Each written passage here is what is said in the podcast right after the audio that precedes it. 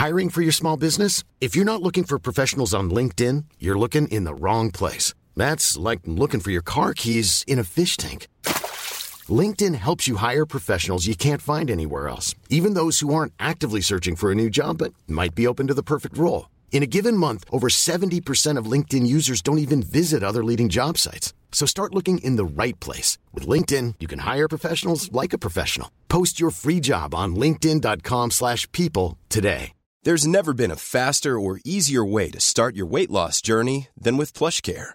PlushCare accepts most insurance plans and gives you online access to board-certified physicians who can prescribe FDA-approved weight loss medications like Wigovi and Zepbound for those who qualify. Take charge of your health and speak with a board-certified physician about a weight loss plan that's right for you. Get started today at plushcare.com slash weight loss. That's plushcare.com slash weight loss. plushcare.com slash weight loss. Hey, it's Ryan Reynolds, and I'm here with Keith, co star of my upcoming film, If, only in theaters, May 17th. Do you want to tell people the big news? All right, I'll do. Sign up now and you'll get unlimited for $15 a month in six months of Paramount Plus Essential Plan on us. Mintmobile.com slash switch. Upfront payment of $45 equivalent to $15 per month. Unlimited over 40 gigabytes per month. Face lower speeds. Videos at 480p. Active Mint customers by 531.24 get six months of Paramount Plus Essential Plan. Auto renews after six months. Offer ends May 31st, 2024. Separate Paramount Plus registration required. Terms and conditions apply if rated PG.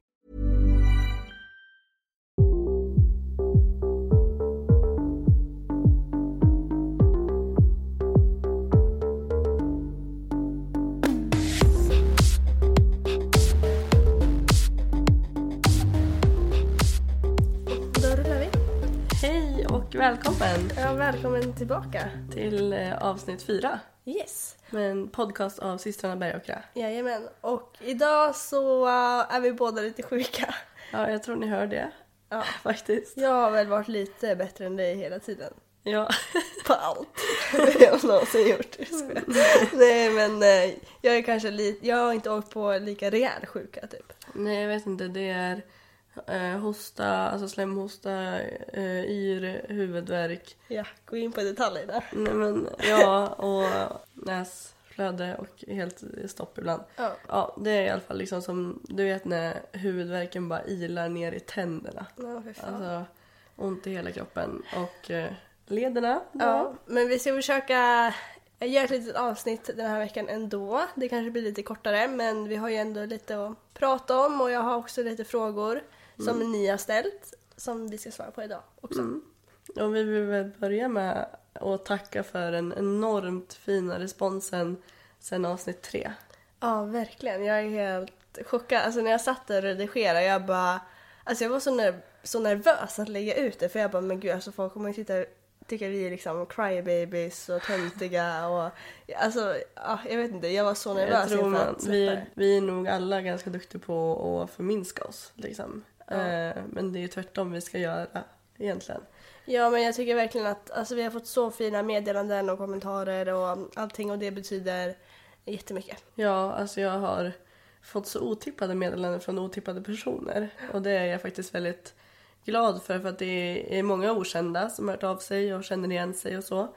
Eh, Men även folk som jag under den tiden tyckte vände oss ryggen har verkligen liksom kommit krypandes eller vad man ska säga nu och ja men skrivit så här, jag, jag visste inte det här och jag ber så mycket om ursäkt för det och ja men jag önskar att man såg det här på ett annat sätt liksom och det tycker jag är jättestort utav både oss och dem.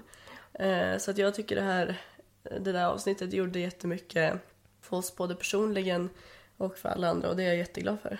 Nu känns det som att här kan vi verkligen dela med oss av grejer för vi vet att vi når rätt publik på något vis. Ja, verkligen. Och tyvärr är det ju väldigt mångas liv, både unga som gamla, som kantas utav en livsstil med alkohol. På både alltså högt och lågt. Ja, liksom. och också, vi är ju absolut inte ensamma om att eh, fått uppleva såna här eh, jobbiga familjesituationer. Jag tror att det är kanske lite mer vanligt än vad man tror så jag hoppas att eh, avsnittet kan ha hjälpt många andra Ja, och också. jag tänker att det är jätteviktigt att vi alla kan hjälpas åt och dela med oss utav de här erfarenheterna så att man kan få hjälp och support. Och det är jätteviktigt att ni vuxna, säger jag, ni, eh, men också vi, eh, ser barn oavsett eh, familjeförhållanden. Och framförallt att misstänker man minsta lilla missförhållanden så ska man verkligen nå ut och fråga och göra någonting åt det tycker jag. Det är liksom lite medmänsklighet 2023 kan man väl säga. Och sen så att vi unga också eh, inte är rädd för att nå ut liksom och vända oss till till exempel BRIS eller eh, socialtjänsten eller liknande för att få hjälp. Det är jätteviktigt. Men det blev ju lite ändrade planer den här veckan. Du skulle Ja. egentligen vara och tävlat nu i Elmia, eller ja, till helgen då. Ja, jag skulle egentligen ha åkt i morse. Eh, Men jag lägger nu med feber och den här jäkla influensan i fyra, fem dagar nu och det har inte gått åt något bättre håll så att jag kände jag vågar inte liksom utsätta kroppen för mer. Eh, Jag tror jag kanske hade kommit ner till Bergåkra och sen behövt vänt. Ja. För så mycket har kroppen räckt till hittills. Men det är jättesynd för jag har verkligen sett fram emot det här och matchat hästen för det här eh, evenemanget och verkligen sett fram emot att knyta säcken där. Men eh, ja, nu får jag helt enkelt eh, krya och även du som skulle varit med som groom får krya på dig. Och eh, så får vi ladda för Friends. Mm. För där händer det roliga saker. ja, verkligen. Vi kommer ha klinik där fredag, lördag och jag kommer även tävla Loves of Future Challenge för 25 lördag, ja fredag, lördag. Mm. Och även efter klinikserna så kommer vi ha meet and greets och ha möjlighet att träffa er alla där. Jag vet ju inte om jag kommer vara hemma då, men det märks väl. Ja, det är i alla fall jag, Olivia, mamma och naturliga teamet. Ja. Superkul. Och jag hade i början av veckan en kund här igen, vilket var väldigt spännande. Jag har ju fortfarande någon häst till salu. Så att eh, det gick jättebra. Jag är så himla nöjd. Jag tycker verkligen att de är en alltså, supermatch. Mm, kul. Och typ mitt dröm, alltså ett eh, drömhem för mig att sälja till. Så jag hoppas nu att eh, de känner likadant. Ja. Så får vi se då hur det går. Det, ska ju, det är mycket som ska stämma överens för att det ska bli en försäljning men det här känns i alla fall väldigt lovande än så länge. ja. Och sen har det kommit, det kan man inte förglömma, men extremt mycket snö. Ja, fy. Alltså, jag är ju ingen, inget fan utav snön, vilket är ju konstigt när man bor liksom i Hälsingland kanske. Men eh, det blir ju så... Allt blir bara mycket jobbigare när det är kallt och det är snö och stask. Och... Fast jag tycker tvärtom. Att allting blir så mycket renare. Och hästarnas hovar blir rena och eh, alltså det fryser på. Jag älskar det. Jag Ja, men det är ju inte lika kul när så tårna ramlar av och fingrarna och knäskålarna liksom sitter låst fast och man...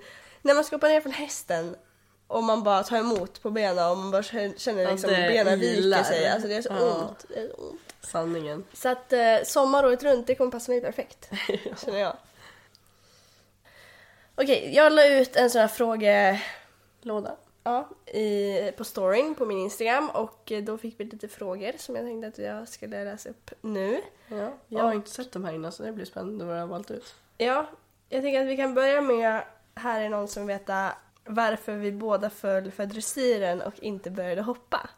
Och det är alltid konstigt, alltså jag tänkte på det så här, för det var fler som skrev det här och då tänker jag så här varför vi börjar med dressyr istället för hoppa. Som att det är självklart att när man börjar rida så börjar man hoppa. Varför behöver vi inte börja med voltige typ? Men, nej, Men men... trav eller någonting. Ja, verkligen. Mm. Trav ligger egentligen mer till grund här uppe. Ja. Mm. Men, ja, ska du börja? Ja, alltså egentligen så har jag aldrig valt. Utan det har ju funnits naturligt. Precis som vi pratade om i förra avsnittet att så här, hade vi en ponny eller häst som lämpade sig bäst för hoppning och hade talang i det, då red man hoppning. Eller hade vi en häst som var mest talangfull för dressyr, ja men då red man den i dressyr. Eller så var det en, en allround-häst och då gjorde man allt möjligt. Ja, och vi har väl alltid egentligen gjort lite båda. Nu har jag faktiskt inte hoppat så mycket de senaste åren men jag hopp- tävlade i alla fall lite på ponny och sen så lånade jag Olivias mackor någon gång och Mm, äh, eh, Bella äh, Rich. Ja, Bella Rich hoppade jag, tävlade jag också lite grann. Så vi har ju alltid tyckt om att kunna göra det för kul. Och jag vet att när jag gick på gymnasiet fortfarande så tog jag med persan på hopplektionerna. Ja, en gång i veckan liksom. Så Ja. var det alltid hoppning. Och det är ju egentligen samma för mig att nu har inte jag heller hoppat så intensivt på länge. Men eh, när vi köpte Maggie på eh, auktionen på Elmia för, vad är det, fem, sex år sedan. Då eh, var det ju jag som började liksom med att hoppa in och börja starta och sådär och tog ut henne i små miniklasser som fyraåring i så här 80-90. Sen så visade jag henne på eh, sånt här ridhästtest, alltså fyraårstest och eh, hoppade där med diplom och kvalade till Breeders Trophy i Flyinge det året i då hoppning. Och sen så kvalade vi till finalen därifrån och slutade typ som 14 bästa ekipage eller någonting. Så att um, jag har ju faktiskt aldrig ridit Breeders Trophy i dressyr men jag har gjort det i hoppning. Nej Ja. så att alltså vi har ju alltid tyckt om att hålla på med lite både och och om det inte varit för tävling så har det också varit för kul. ja. Jag tror ändå att vi kände när vi var yngre att dressyr är det som vi tycker är roligast. Alltså, Alltså det, det kan ju ge sån energi och adrenalinkick när man gör liksom piaffpassage, byter i varje eller börjar hitta svung på någon häst eller ponny. Alltså det är liksom lite mer det, det här äh, samspelet mellan häst och ryttare. Alltså det kan låta så klyschigt men det är verkligen det som kickar igång mig i alla fall som mest. Mycket mer än vad ett riktigt bra språng på en hopphäst gör. Nej men det var väl ändå dressyren vi kände passade oss bäst. Ja. Mm. Och det är nog fortfarande att det kommer hållas väldigt öppet för resten av vårt liv vad Ja. man gör. Och jag har faktiskt också haft eh, min första praktik på naturlära gjorde jag i travstall i två veckor. Så att eh, jag har även testat på att rida monté och köra häst och så. Jag tycker faktiskt det är jätte det är också jätteintressant och jättekul. Okej, vilken ponny slash häst som ni har sålt saknar ni mest? Förutom Klaus. Det var liksom det självklara valet. Ja verkligen, förutom Klaus. Ska vi säga på tre? Men vänta, jag, vad har vi ens sålt för häst? Vänta, jag måste fundera Men jag lite. har en direkt. Men vänta, inte jag. Tre, två, ett. Amarant. Felix. Amarant är ett självklart val för mig. För Ja. att jag hade gjort allt i min makt för att kunna ha kvar honom. Ja, det förstår jag. Amarant var ju mammas uppfödning, Bergs Amarant, godkänd hingst. Mm. Hon var helt fantastisk. Jag är redan då som 14-åring redan på de här bruksprovsklasserna.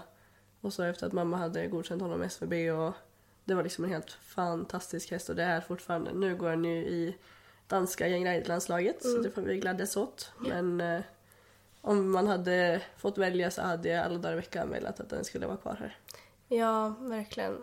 Det tycker jag också. Men jag tänkte... Jag säger Felix och det var ju han som fick mig att börja rida igen efter jag slutade cheerleading. Och han sålde vi ju efter att Olivia hade ridit honom. Men han såldes ju till en jättebra familj så att eh, det var ju ingen fara. Och nu har han faktiskt gått bort. Ja, Ja, i år. ja faktiskt. Han blev rätt gammal Han blev faktiskt. väldigt gammal. Men är fortfarande lika pigg. Liksom. Ja, det är gud, helt ja. fantastiskt.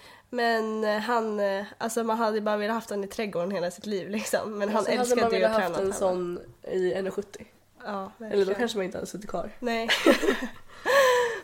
Hur ser en vecka ut för era hästar som går de högsta klasserna? Upplägg, intensitet och så vidare.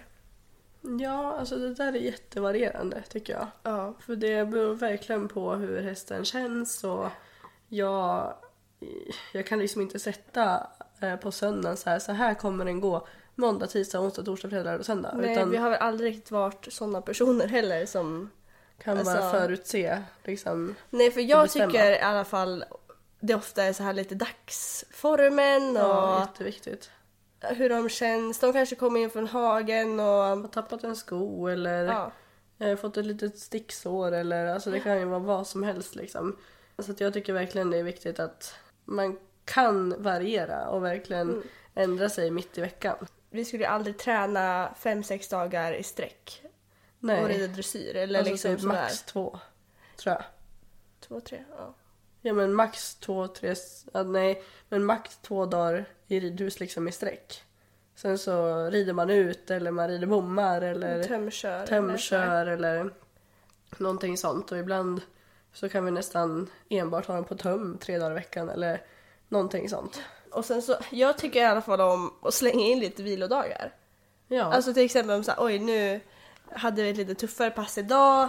Jag joggar lite imorgon men sen så tror jag att det är bra om hon får vila och sen så ibland så jag henne en veckas vila för jag tycker att hon har gått så bra en period. Mm. Vi är inte rädda för att vila dem liksom. Nej, och en aktiv vila med kanske skrittmaskin eller bara lite tömkörning på jogging eller Någonting sånt och speciellt tycker jag det är viktigt efter långa resor som typ nu när vi kom hem från Tyskland. Då har ju Zacken och Maja nästan fått vila nästan två veckor när jag började liksom jogga igång dem. Eh, Men med så här skrittmaskin och lite tömkörning försiktigt och så efter kanske en vecka och starta igång dem lite försiktigt. Medan Maffi han fick ju gå Karl Hester-klinik ganska tätt inpå efter typ en vecka. Men eh, sen har ju också han fått tagit liksom enstaka eh, vilodagar för att sen ladda upp här för Elmia nu då. Men jag tror att det är viktigt också för hållbarheten på hästen. Att inte bara sitta och nöta, nöta, nöta. Nej, jätteviktigt.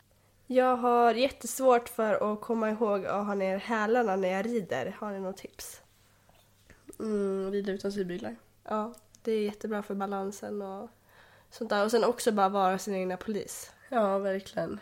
Alltså nu finns det någonting som eh, går runt på sociala medier. Det är hashtag no stirrup eh, november. Ja. Eh, Så det är klart att man kan haka på det. Men jätteviktigt tycker jag att man är, precis som du säger, ganska självdisciplinerad och tänker på det. Alltså sätt ut en eh, bokstav i ridhuset eh, så fort du passerar den så tänker du på det igen. Eh, Och ehm, också ser över din stigbygel, eller stigläderlängd egentligen. Och sen kan man ju alltid be någon det kan ibland vara jobbigt att ha folk som säger åt en så här, ta ner hälarna eller så här. Men samtidigt kan det vara bra, fråga den du rider med om det är din kompis eller din tränare att gud jag har så svårt att hålla ner hälarna, kan du påminna mig? För att jag vet att vår mamma hon har alltid varit, hon har också tränat oss och hon har alltid varit så här tummarna upp, ner med hälarna. Men så här med jämna mellanrum liksom. Så, så fort allting, om hästen är på plats och du är på plats och så, ja, men då påminner de om de här detaljerna liksom. Jag tror också att hälarna är ju också ett resultat ifrån hur resten av kroppen är. Du tänker mig att huvud, axlar, knä och tå typ? Ja, Lite exakt. Ja. För om inte, om man sitter ihopkrokad och- och med dålig hållning då kanske... Redan med liksom axlar och nacke och bålstabiliteten och så. Mm, Då, då... är det kanske osannolikt också att hälarna ska vara nere. Så att det är väl också en helhetsgrej kan jag tänka mig. ja. Men jag vet att jag hade lite svårt med högeraxeln. Typ när jag var i en väldigt, en, i en växtfas. Ja. Att jag tog upp den. Jag spände den nog så jag liksom tog upp den så det såg ut som jag satt snett. Och då vet jag, jag ser det en del speciellt på yng, yngre ryttare som liksom har huvudet lite på sned eller de är sned i axlarna och Ja. lite sånt där. Och det där är jätteviktigt att försöka träna på och men det är ju som sagt svårt när man är i en växtfas, men att man ser över det. ja, men faktiskt att man hjälper kroppen då lite med stretching och sådär. För Mm. att jag har ju skolios också och det har ju påverkat jättemycket hur eh, mitt bäcken har växt och liksom hur hela min rygg har varit i växtfas. Så det är jätteviktigt att ja, men kanske be någon att filma om man inte har speglar och eh, som sagt vara lite sin egen polis och tänk lite så här huvud, axlar, knä och tå. Liksom gå igenom din kropp. När hästen känns bra och den är framför skänken och sådär då kan du ha tid att gå igenom din egen kropp. Mm. Jag vet att när jag hade det här med min högeraxel så försökte jag att stretcha väldigt mycket. Alltså verkligen Stretcha stretcha, ut den axeln. stretcha liksom. ut den och liksom kunna ta ner den för att den ville vara där uppe. Men sen så också ridit en stigbyglar som sagt och barbacka har ju vi ridit mycket. Ja. Och det är så otroligt bra Det är balans bästa balansträningen. och styrka. Och man behöver ju den där bålstyrkan också för att kunna ha en bra sits. Eller testa stubbensalarna, då jävlar blir det mag, magträning alltså. Ja. Hur tänker ni innan ni går in på tävlingsbanan? Oj, Ja. vad Alltså- tänker man på? Vet inte. Alltså jag kan ibland så komma på mig själv att jag liksom sitter och nynnar på någon låt. typ. Okej. Vilket kanske är lite dåligt. Men eh, jag tänker också så här, det är många som blir väldigt nervös inför att tävla. Vilket kan vara en bra grej som gör att man blir lite mer på, mer på noterna. Men man vill ju inte att nervositeten ska förstöra. Men jag vet att mamma sa mycket till oss när vi var små att alltså, världen går inte under om den här ritten inte blir perfekt. Nej, alltså det är egentligen lite som vi pratade i avsnitt tre. Att, alltså perspektiv på livet. Vad är det värsta som kan hända? Ja. Nu är vi här på tävlingen och vi älskar ju hästarna och vi är här för dem liksom och för oss. Så att ehm, det gjorde nog att alltså jag har typ aldrig behövt vara nervös för det. För att det är liksom man kan vara nervös och rädd för så mycket annat. Men det är ju lite pressen man sätter på sig själv. Om man har så himla höga förväntningar och sätter upp ett jättehögt mål, då sätter man ju en press. Ja. Men om man har den här, om man bara förväntar sig att gå in och ha roligt och så får det gå som det går, då blir Ja. man ju inte så nervös. Nej, jag tror faktiskt liksom att det måste vara lite kravlöst. Mm. Alltså så tänker jag fortfarande att vi kan inte göra annat än vårt bästa och sen är det viktigt för min del att man förbereder varenda liten övergång och så. Inför, alltså till exempel om ehm, ja men man ska göra en öppna voltsluta, ja men då får jag verkligen ta tillfället i akt att eh, ta kortsidan innan en Ja, om man inte har så bråttom. Liksom. Nej. För det kan jag veta att ibland så känns det som jag skyndar mig igenom programmet liksom. Men vad har jag bråttom för? Ja, jag jag har betalat den här Ja, tiden. Ja. ja, att gå in med den inställningen att man bara, alltså man kan ju bara göra sitt bästa. Om man har den inställningen så, så tycker jag inte man blir särskilt nervös. Och sen så, men typ när de blåser då brukar jag alltid klappa lite på hästen och säga typ så här. Nu kör vi, kom igen typ eller någonting Ja. sånt där. Vilket låter ju också töntigt men jag tycker Nej, att det är tycker det är gulligt. jätteviktigt för då hinner man hämta andan och ta ett djupt andetag och liksom känna in, känna in rummet lite Ja, grann. ja verkligen. Men sen så tycker jag också det är viktigt för nu när vi har, eller fortfarande gör det, jobbar med hästar och jobbar för kunder och tävlar deras hästar och sådär så, så är det fortfarande viktigt att man har den dialogen med hästägarna. Liksom att vad är det värsta som kan hända? Vad, vad är det roligaste som kan hända? Liksom om det är något kval eller liknande att så här, ja vi kanske kvalar men vi kanske också inte kvalar och då har vi exakt samma häst som vi åkte dit med och åker vi hem med. Så det är jätteviktigt att liksom inte sätta de här extremt hårda eh, pressen på sig själv. För, Nej, då, för att- då tror jag det skulle bli liksom lite magstarkt för en själv. Ja, för man kan ju inte garantera att man eh, kvalar någonstans eller vinner någon tävling för det är ju djur vi håller på med. Och um, det här har jag tänkt på lite nu när jag ska flytta. Så kommer jag ju tävla för ett företag och det har jag ju faktiskt aldrig gjort för. Alltså jag har ju tävlat åt andras hästar och ponnyer. Men jag har ju aldrig jobbat för någon och tävlat deras hästar. Nej. För att nu kommer jag ju tävla en del försäljningshästar och då har jag tänkt så här, gud kommer det här göra mig att jag blir nervös? För att jag har ju, ja, alltså inte en sån press men det, alltså jag får inte... Men jag tror det är viktigt att du tar med dig samma mindset som du har nu med det. Att det är samma där, man åker dit med samma häst som man kommer hem med. Man kan bara göra sitt bästa. Ja, för det är det jag tänker. Jag tycker att det ska bli intressant att se. För jag hoppas att jag kan bibehålla den här rätt coola mentaliteten att ja, men det går som det går, jag kan göra mitt, bara göra mitt bästa liksom. Men det är ju en annan situation och det, jag tycker att det ska bli spännande att se hur jag tar mig an det uppdraget. Jag ser det lite som en utmaning. För sen en annan grej som jag tänker ändå är en del utav det här det är att Isak till exempel, min sambo, han brukar säga till mig så här, ah, är du nervös innan? Ja. Jag bara, nej jag är ingenting. Alltså att jag blir ganska, ehm, inte känslokall, men jag blir nollställd. Alltså jag är varken glad, ledsen, arg, nervös. Alltså förstår du? Att man är helt så här, helt plain. Och det tror jag också gör att man bara fokuserar på hästen. Och sen så säger inte jag att eh, man ska rida runt där och vara sur utan det är snarare tvärtom att man ska verkligen så här vara så trygg i sig själv så man inte har då känslan utanpå utan bara kan le och rida vidare liksom och alltid ha ett smile mot domaren och sitt team liksom. För det känner hästen av. Det är jätteviktigt precis som du sa också att du klappar och säger någonting till hästen innan du rider upp för medellinjen och så. Det är super super viktigt att känna eh, och göra hästen trygg. För då, då blir ju allting mycket enklare tycker jag. Ja, så det är väl ett tips för er som blir nervösa inför tävling. Ja, men mentaliteten. Alltså intala er själv att eh, om det inte skulle gå som tänkt så är inte det hela världen. Utan gör bara ert bästa och ha, ha roligt. Ja, det tycker jag är jätteviktigt eh, till alla som åker. För jag tror det är väldigt få som åker själv. Jag tror det är många som åker med sina familjer eller team eller tränare och stallkompisar eller vad det nu kan vara, olika konstellationer. Jätteviktigt att ni har den här trygga, lite lugna stämningen och att man faktiskt går igenom innan. Vi brukar ha en ganska detaljerad eh, plan liksom med väldigt mycket framförhållning så att vi nästan hellre får vänta lite, några minuter, än att det blir stressigt. För att stress leder ju ofta till att någon blir lite näbbig, alltså att man blir lite kort i tonen och så. Och det ska liksom varken häst eller team behöva utstå tycker jag. För att alla är ju Nej. där liksom för en sak och det är tävlingen och hästen och liksom sådär. Så det, jag tycker det är så himla onödigt. Och sen så tycker jag också, jag som en ung person, eller alla har ju varit barn någon gång, men jag tänker att när vi har åkt och tävlat med mamma och sånt där, det är klart att någon gång har man varit lite näbbig kanske på sina föräldrar. Och jag tänker bara nu i efterhand att så här, vi måste bli bättre vi unga att uh, verkligen hylla de som följer med och hjälper oss och mm.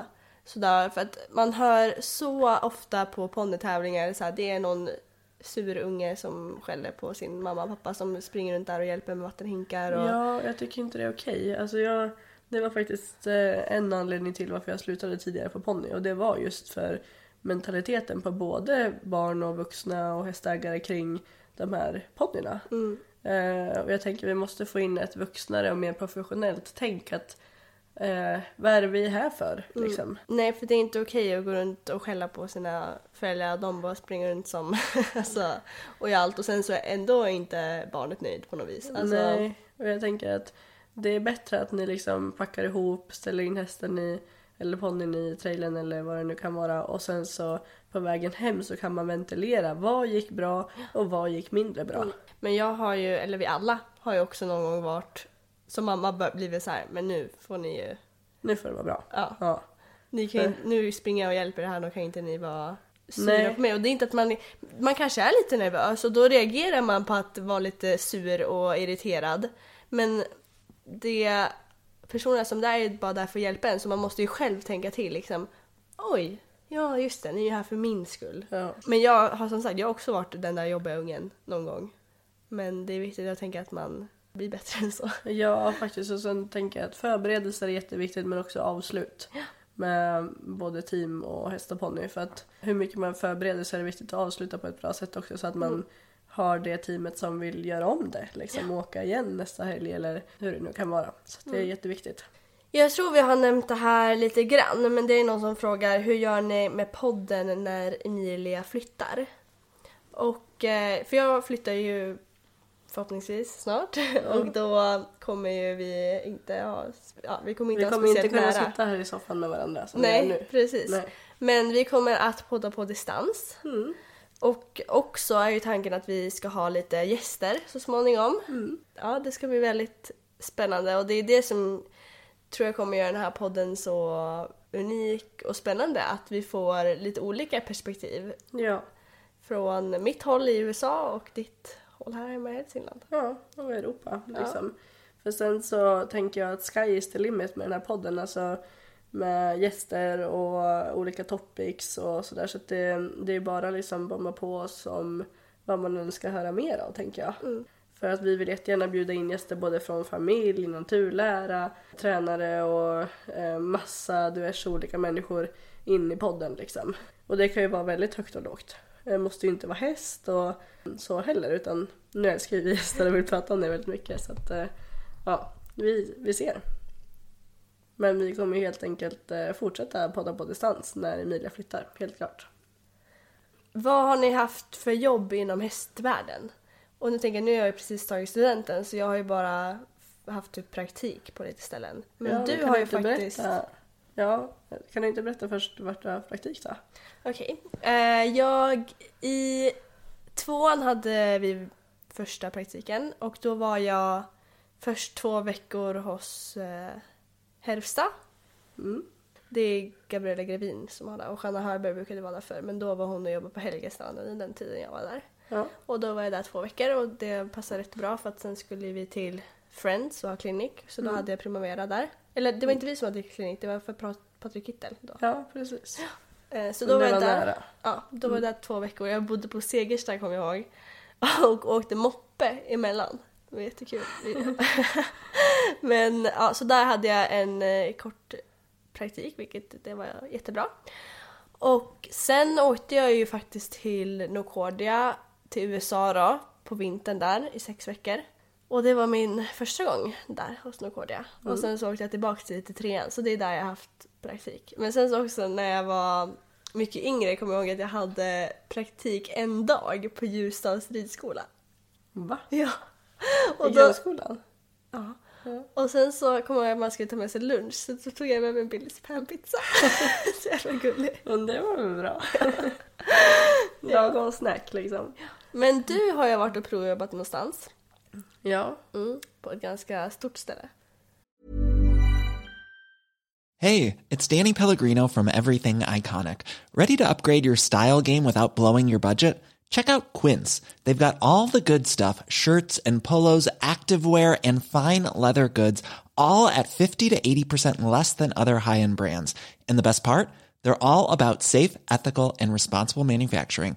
Get that luxury vibe without the luxury price tag. Hit up quince.com slash upgrade for free shipping and 365 day returns on your next order. That's quince.com slash upgrade. Imagine the softest sheets you've ever felt. Now imagine them getting even softer over time. That's what you'll feel with Bowl and Branch's organic cotton sheets. In a recent customer survey, 96% replied that Bowl and Branch sheets get softer with every wash. Start getting your best night's sleep in these sheets that get softer and softer for years to come. Try their sheets with a 30-night guarantee. Plus, get 15% off your first order at bowlandbranch.com. Code BUTTERY. Exclusions apply. See site for details. Even when we're on a budget, we still deserve nice things. Quince is a place to scoop up stunning high-end goods for 50 to 80% less than similar brands. They have buttery soft cashmere sweaters starting at $50, luxurious Italian leather bags, and so much more. Plus, Quince only works with factories that use safe, ethical, and responsible manufacturing. Get the high-end goods you'll love without the high price tag with Quince. Go to quince.com slash style for free shipping and 365-day returns. Ja. Vill du, vågar vi berätta lite om det? Jag kan inte säga att det är Du får bipa det. Ja. Mm, men eh, det var under tiden jag var på Hunneberga som eh, jag åkte dit en vecka och provjobbade. Ja, Eh, för du hade ju, vi arrenderade en gård nere i Skåne ett år. mm, När var det? Eh, 2019, 2020 tror jag. Eller 2020 kanske det var. Ja, 2020. Ja, så den arrenderade vi och hade um, flertalet hästar. Det var där jag höll hus det året liksom. Mm. Eh, Men det var under pandemin. Då eh, var helt enkelt min tanke egentligen att eh, åka iväg och träna ett gäng i Tyskland eh, hos Helen Langenhagenberg. Men sen så kom det här E EHV4 eh, som utbröt i Spanien på hopptouren där. Ja, EHV1 eller EHV4 men jag tror det, alltså det var ju den neurologiska formen. Ja. Mm. Då tänkte jag helt enkelt att eh, men let us eh, spread the views liksom. Och sen så åkte jag över bron. ett x antal broar. och, och provjobbade i ett eh, väldigt, väldigt stort stall. Ja. Och ehm, det var superkul faktiskt. För det var vänner till mig där som jobbade där då. Men ehm, jag kände väl efter en vecka där liksom att eh, absolut, jag hade kunnat jobbat här. Men för vems, eh, för vems vinning liksom. Eh, jag kände kanske inte att jag skulle utveckla eh, min ridning och så, så mycket som jag hade önskat. Utan snarare kanske tvärtom. Och absolut att man kan vara eh, och bli väldigt inspirerad utav eh, företagstänket och entreprenörskapen där. Men eh, det kändes inte som ett jobb som passade mig i längden. Eh, För absolut. du var där och provjobbade en vecka. Mm.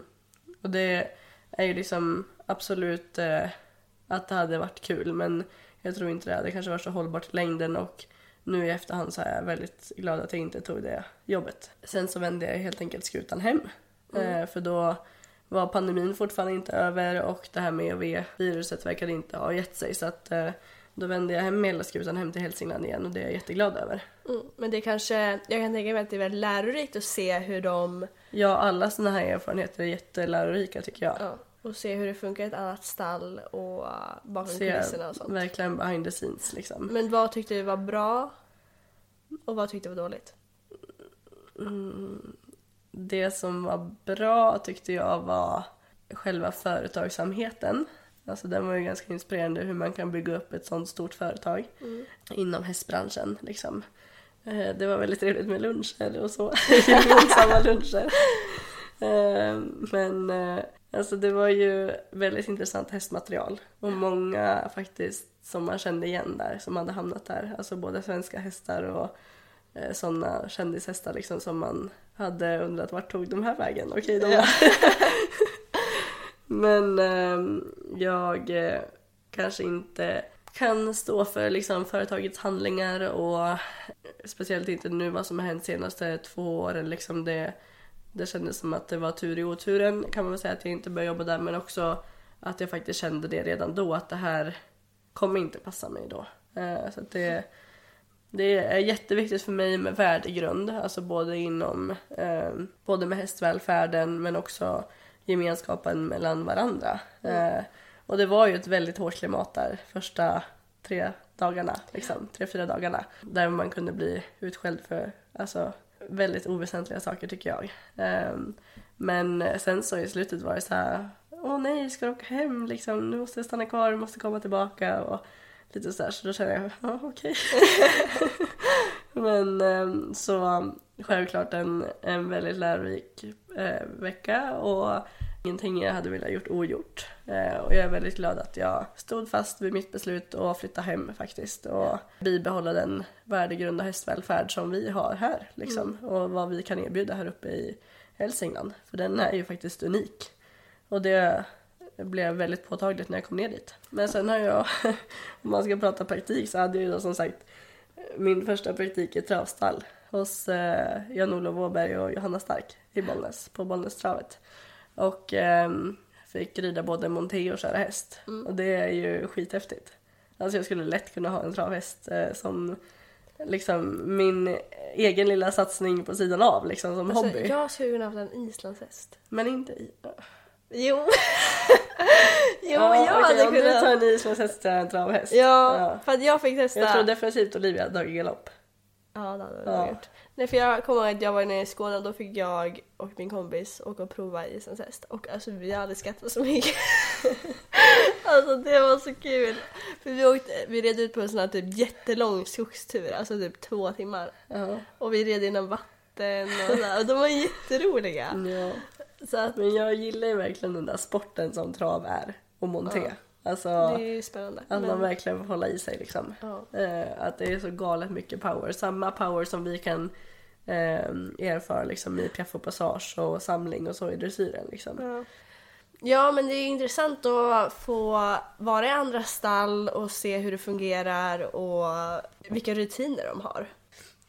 Vore kul att höra om era tävlingsrutiner, ritualer, speciella strumpor, maskot och så vidare och sånt där.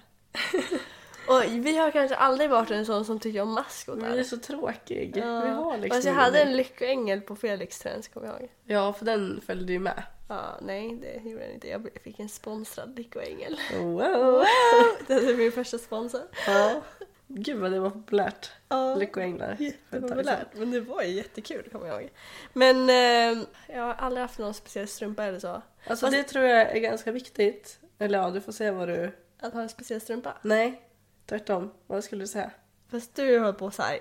Vilka ritbyxor ska jag ta idag? Jag, jag tar de här för det gick så bra med dem igår. Ja, men Så det var det precis det jag tänkte säga. Att det funkar inte.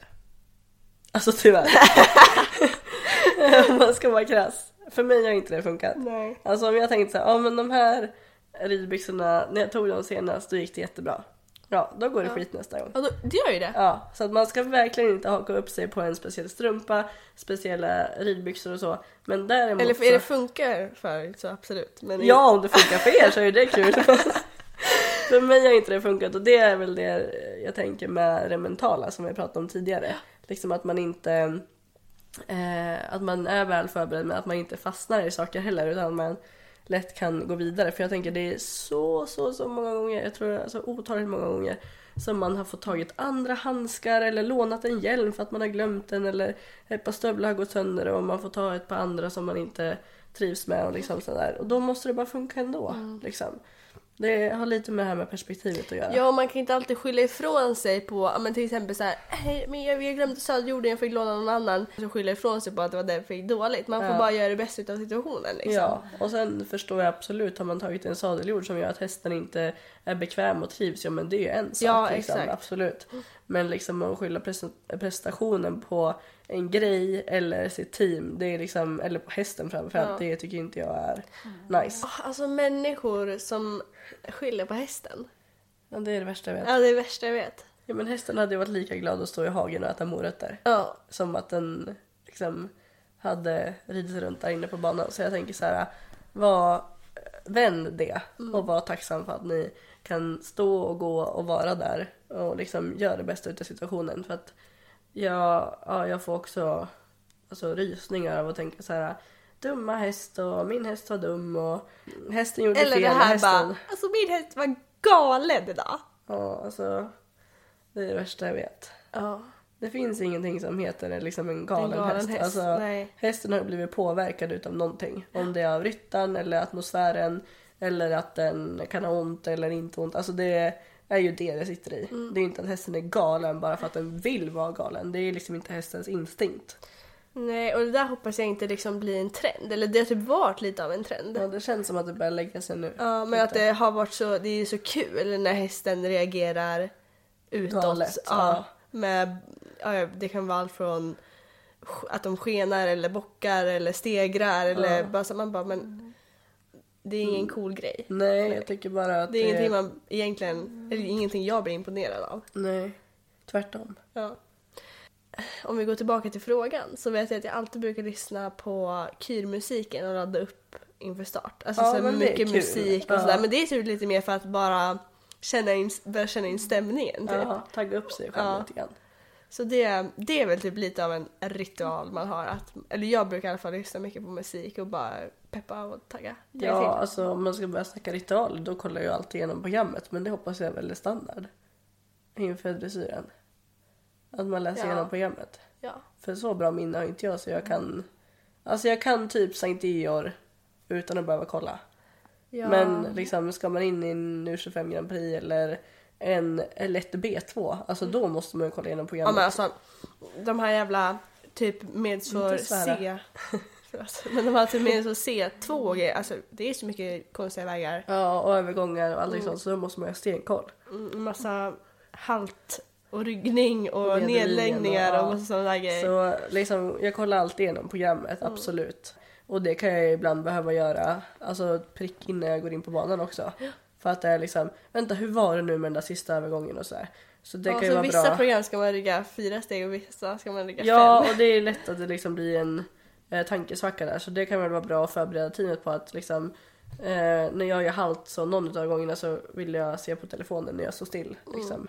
Det är väl typ det. Annars är vi ganska tråkiga för jag har liksom givit upp på det här med någon speciell handske och så för det går alltid. Det går alltid bra.